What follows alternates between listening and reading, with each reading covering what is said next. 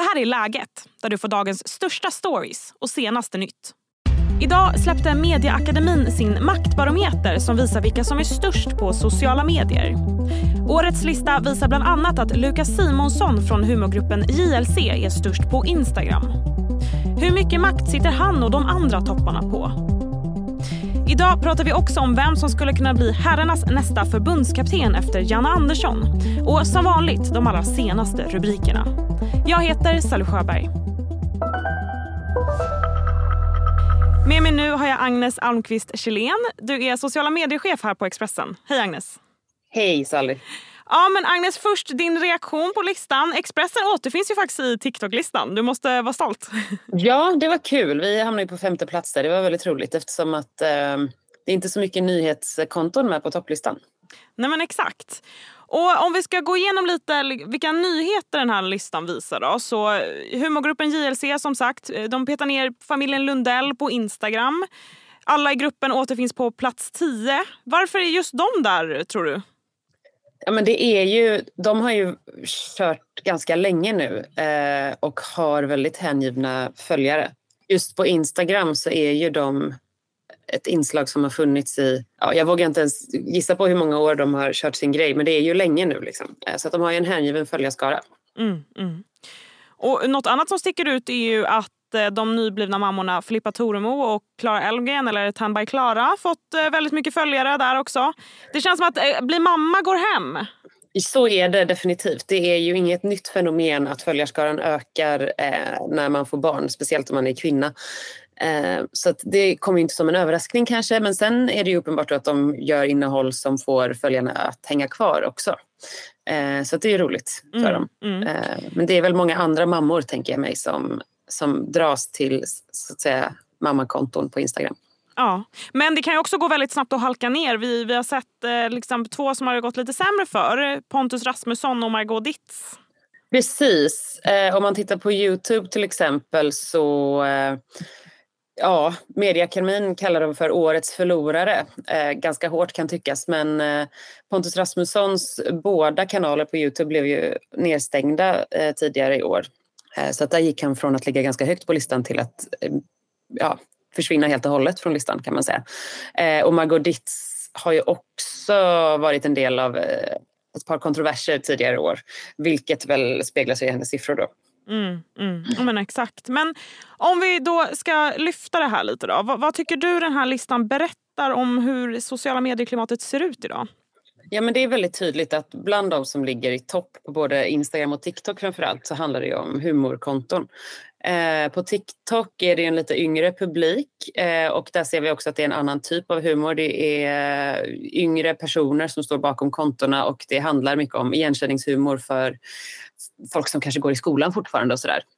Mm. Medan på Instagram, så, som vi pratade om tidigare, så handlar det om de här JLC-personerna till exempel eh, som ju har vuxit upp på Instagram lite grann också. Många av dem har ju barn och sådär nu också och då handlar det kanske mer om den typen av humor. Men återkommande är just det här igenkänningsfenomenet vilket ju gör att eh, innehållet blir väldigt delningsvänligt. Man taggar sina kompisar, skickar till sin partner kanske och så här, det här är så du och så vidare. Eh, vilket ju skapar väldigt stort engagemang. Vi ska strax fråga Agnes hur mycket makt de här topparna sitter på. Men först en kort nyhetsuppdatering. Sveriges utrikesminister Tobias Billström missade toppmötet med EUs utrikesministrar i ukrainska Kiev igår.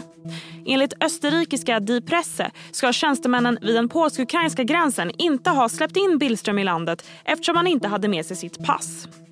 Billströms pressekreterare skriver i ett sms till Expressen att citat, det uppstod ett logistiskt hinder. I övrigt kommenterar vi inte detaljer om statsrådens resor. En trio tilldelas idag årets Nobelpris i fysik. Kungliga Vetenskapsakademin har beslutat att utdela 2023 års Nobelpris i fysik i lika delar till Pierre Agostini, Ferenc Krauss och Ann Lyer.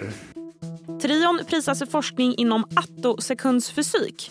Eller som Nobelstiftelsen förklarar det, de har hittat nya verktyg för att utforska världen av elektroner inne i atomer och molekyler.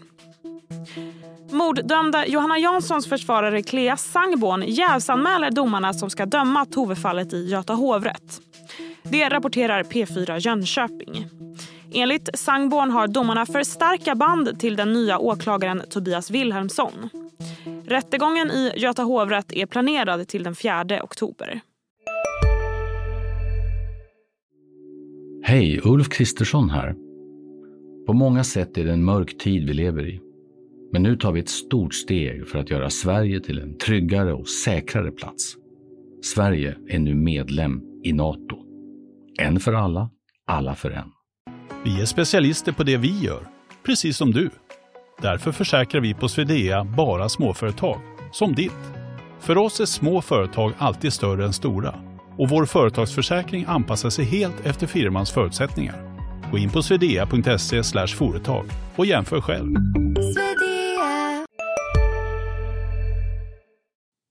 Nu tillbaka till Agnes. Vilken makt skulle du säga att de här personerna har?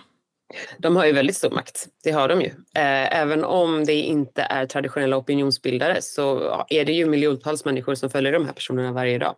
Så de har ju absolut en stor möjlighet att påverka. Mm. Och som man ser i listan då, eh, Expressen hamnar på plats fem. Wonderboy, Emil Henron är exempel på personer som är större än oss. Vad finns, mm. det, vad finns det för problem, eller liksom, vad finns det för risker med att privatpersoner, om vi kan kalla dem så, är större än nyhetsmedier som liksom tänker ja. kring innehållet? Nej, men det är klart, det blir ju en intressant fråga naturligtvis. Eh, för att det här är ju ganska nytt. Eh, tidigare så har väl kanske traditionell media nått ut till fler personer än privatpersoner. Eh, men jag tror att man får väl hoppas att de här som har så stora konton är medvetna om vilken makt de faktiskt har. Och inte inte missbrukar den makten på något sätt. Ja. Samtidigt tycker jag att man brukar höra en del influencers säga liksom att nej men jag lägger bara ut från mitt liv. Jag, de som inte tycker om mitt innehåll kan ju sluta följa mig men mm. riktigt så funkar det ju inte. Nej, så är det definitivt. Och jag menar som sagt, de här i topp är ju inte traditionellt sett opinionsbildare och lägger inte ut speciellt mycket liksom, åsiktsmaterial eller liknande utan det handlar ju mest om eh, humor och så vidare. Men om de skulle börja lägga ut saker som eh, handlar mer om, om åsikter så skulle de ju ha möjlighet att påverka en väldigt stor och framförallt väldigt ung publik. Mm, mm. Där ser man till exempel på, på listan att eh, Sverigedemokraterna är störst på Facebook. Precis. Men eh, om du skulle göra en liten framtidsspaning, vad, hur tror du att liksom, vad kommer vi se, vi se mer av på sociala medier? Vad kommer vi se mindre av? Ja, men jag eh, tror att vi kommer få fortsätta se den här igenkänningshumorn ett tag framöver. Eh, hoppas att det kanske kan slå sig in ett fler, lite fler kvinnor Uh, jättetråkig spaning att säga det. Men det är ju om man tittar på TikTok-toppen här, topp fem, så är det ju fyra, snubbar, ro, fyra roliga snubbar i topp. Liksom. Och det är ju inget ont om deras innehåll, men mm. det vore kul att se lite tjejer som gör samma typ av humor. Ja. ja och det tror jag att vi kommer få se. Ja, ja, och jag tänker också, det är ju, som du sa, det är humor som, som går hem uppenbarligen. Ehm, mm. Um, och det kan ju också berätta lite tänker jag om vad vi, vad vi behöver för material när vi ändå lever i en tid som är ganska mörk får man säga. Så är det. Ja. Så är det. Mm. Ja, nej men eh, toppen. Tack snälla Agnes. Tack själv. Snart ska vi få höra tre möjliga efterträdare efter fotbollslandslagets förbundskapten Janne Andersson. Men först blir det fler nyheter. Och vi ska ta upp sociala medier igen. För Meta som äger Instagram och Facebook överväger att ta betalt av användare som inte vill ha sin data nersparad. Det rapporterar Wall Street Journal. För 155 kronor i månaden ska användare som inte vill att deras data samlas in få en reklamfri variant av apparna. Åtgärden är ett svar på nya EU-regler som innebär att användare måste godkänna att deras aktivitet loggas för riktad reklam. Hej, Synoptik här. Hos oss får du hjälp med att ta hand om din ögonhälsa. Med vår synundersökning kan vi upptäcka både synförändringar och tecken på vanliga ögonsjukdomar. Boka tid på synoptik.se. Nu blir det sport. Vem kan ta över efter Janne Andersson?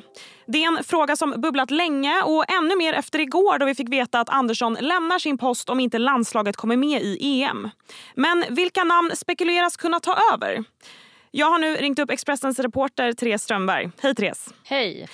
Ja, Fotbollförbundet gick ju ut igår och sa att ja, Andersson lämnar om, om han inte ser till att laget kommer med i EM. Var, varför förklarar man det på det sättet? Hur ska jag förstå det där? Jag tror att man gör det eh, dels, eller framförallt för att förekomma de frågor som kommer att komma. Vi började ju ställa frågan redan när man eh, förlorade hemma mot Österrike i september. Eh, då började vi ställa frågorna kring Jan Anderssons framtid. För det är ju så nu att det är tre matcher kvar i det här EM-kvalet men för att Sverige ska gå till mästerskapet så måste man vinna alla de tre matcherna och Belgien eller Österrike får bara ta max en poäng. Och det är väldigt osannolikt utifrån hur kvalet har sett ut hittills. Och du har ju tagit fram tre namn som det snackas lite om som skulle kunna vara hans ersättare. Först mm. och främst så har vi Per-Mattias Högmo som tränat BK Häcken sedan 2021. Varför är han ett möjligt namn tror du? Dels så har han gjort väldigt bra saker med Häcken. Han tog SM-guld med Häcken förra året eh, efter att Häcken året eh, dessförinnan hade eh, haft ett väldigt, väldigt tungt år där man slutade på en tolfte plats om jag inte missminner mig helt. Eh, så att han har gjort ett väldigt bra jobb med Häcken. Han spelar en fotboll som jag eh, tror att den här nya landslagsgenerationen, alltså spelarna, eh, skulle tycka om att få spela. För ett av de stora samtalsämnena de senaste åren har ju varit att den här generationen landslagsspelare kanske inte riktigt pratar samma fotbollsspråk som Jan Andersson och att de inte riktigt har samsyn på vilken typ av fotboll de ska spela. Där mm. tror jag att Per-Mattias Högmo hade eh, kunnat vara ett bra alternativ. Dessutom så har han med blandade resultat får man säga, men han har ändå erfarenhet av att jobba inom förbundet och vara förbundskapten på både dam och herrsidan i, eh, i Norge. Din andra spaning är att Graham Potter som tränat både Östersund och Chelsea skulle kunna vara en kandidat. Eh, berätta. Ja, det här är ju ett namn som, som väldigt mycket florerar i, i sociala medier och, bland eh, landslagssupportrarna om man säger. Eh, de är väldigt sugna på Graham Potter som inte har något jobb just nu. Eh, gjorde ett jättebra jobb med, med Östersund och tog ju dem eh, till en svensk kupptitel och ut i Europa. De spelade Europa League och slog Arsenal på bortaplan eh, bland annat eh, här för, för några år sedan. Eh, och har ju sedan dess haft lite olika jobb eh, i England, eh, bland annat eh, tränat Brighton också med, eh, med fin utveckling på, på det laget. Eh, gick ju tyngre i Chelsea men det har det gjort för, för flera tränare så det behöver inte nödvändigtvis säga jättemycket om honom utan kanske mer om hela Chelseas organisation vilket är en helt, en helt annan podd.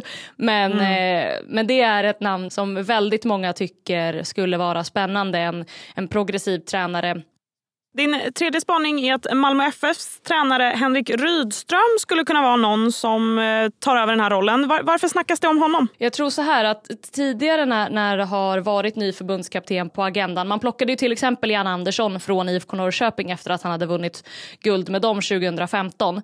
Därefter så hade vi Jens Gustafsson som tog över IFK Norrköping som under många år kändes som den nästa förbundskaptenen. Sen har han försvunnit lite ur den, ur den diskussionen och man letar ju gärna efter tränare i allsvenskan som skulle kunna vara nästa förbundskapten. Mm.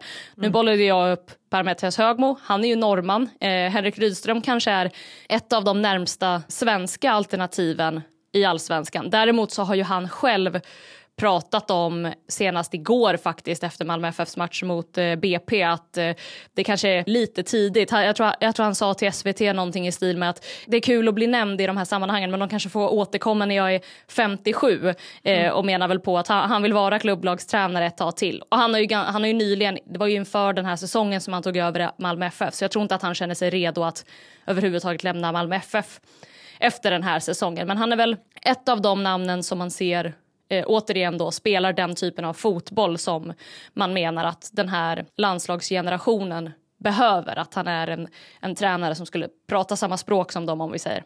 Och eh, när får vi tydliga, eller eh, som tidigast klarhet i den här frågan då? Det hänger ju på om de kommer med i EM som sagt. Ja precis och det kan ju bli klart. Skulle, Sverige möter ju nu eh, senare i oktober, man samlas under nästa vecka eh, och möter eh, Belgien eh, på måndagen veckan därpå borta i EM-kvalet. Förlorar man den matchen eller eh, kryssar den så, så är man ju ute ur EM-kvalet. Men jag tror ändå inte att eh, det kommer att hända någonting förrän efter att EM-kvalet är färdigspelat i november.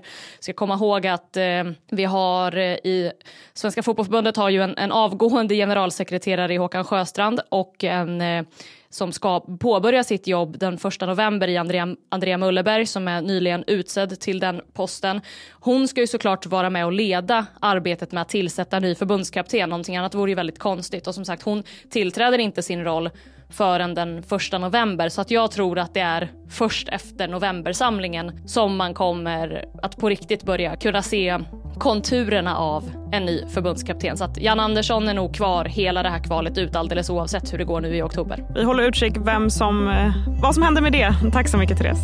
Tack. Där sätter vi punkt för idag. Läget kommer ju ut varje vardag så se till att du följer podden. Tack för att du har lyssnat. Vi hörs imorgon.